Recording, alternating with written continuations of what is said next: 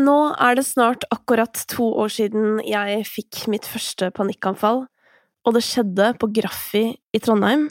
Vi spiste grillfest, et sånn måltid de selger der hvor man får masse kjøtt og skikkelig digg pommes frites og bearnés og masse sånn gode sauser. Og så sa kollegaen min Elise til meg sånn Kristine, hvordan orker du å gjøre så utrolig mange forskjellige ting? Og idet hun sa det, så var det akkurat som jeg var i ferd med å drukne.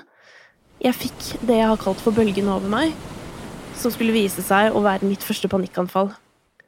Bare få dager etter det så sa jeg til kjæresten min at så fort det her går litt bedre, så må jeg si det høyt, og jeg må gjøre et eller annet for å hjelpe folk som har det på samme måte.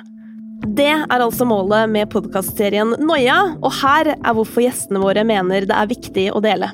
Fordi det kan hjelpe andre. Jeg vil ikke dele, eh, men jeg fant ut at det var lurere å være åpen enn å både være sjuk og skjule. Vi er jo flokkdyr, og vi vil jo være der for hverandre og passe på hverandre. Og jeg tror det er viktig å ha noen som man kan lene seg litt på. Det er viktig at vi normaliserer dette her, og det er viktig at vi, vi prater om det. Og det er viktig, som den podkasten her mye dreier seg om, det er viktig at vi snakker om ikke at det er så jævla synd på meg. Ikke at det er så jævla sånn derre Å, stakkars meg, forresten, jeg skal slippe plate i morgen, liksom. Altså det, at vi snakker om hva som eh, Hva man kan gjøre. Jeg syns det er veldig viktig å dele, fordi som sagt, altså når jeg, når jeg var yngre, så var det ingen som gjorde det.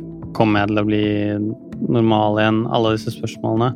Det er veldig viktig for meg at hvis det sitter en 24 år gammel Helge der ute et sted og hører på den podkasten, så bare vit at det blir bedre. Eh, Det er veldig viktig for meg å dele historien fordi jeg håper jeg kan hjelpe andre med å dele erfaringene mine. det her prøver jeg å si til folk, at det er så mange som tar det med dele så veldig bokstavelig. Fordi at jeg selv delte på internett sånn 'halloisen, jeg har angst'. Og det er ikke nødvendigvis jeg tenker at det, er det, det må alle gjøre, at nå må du legge ut på internett og 'hei, verden, jeg har angst', liksom. Det er mer sånn del det med noen du stoler på, noen du er glad i, som bryr seg om deg. Men føler du kallet, sånn som jeg og du, og så er det helt prima, liksom. Hvis du har lyst til å være litt i bresjen for eh, å være ansikt utad, så trenger man mange flere av de, fordi det hjelper så sjukt.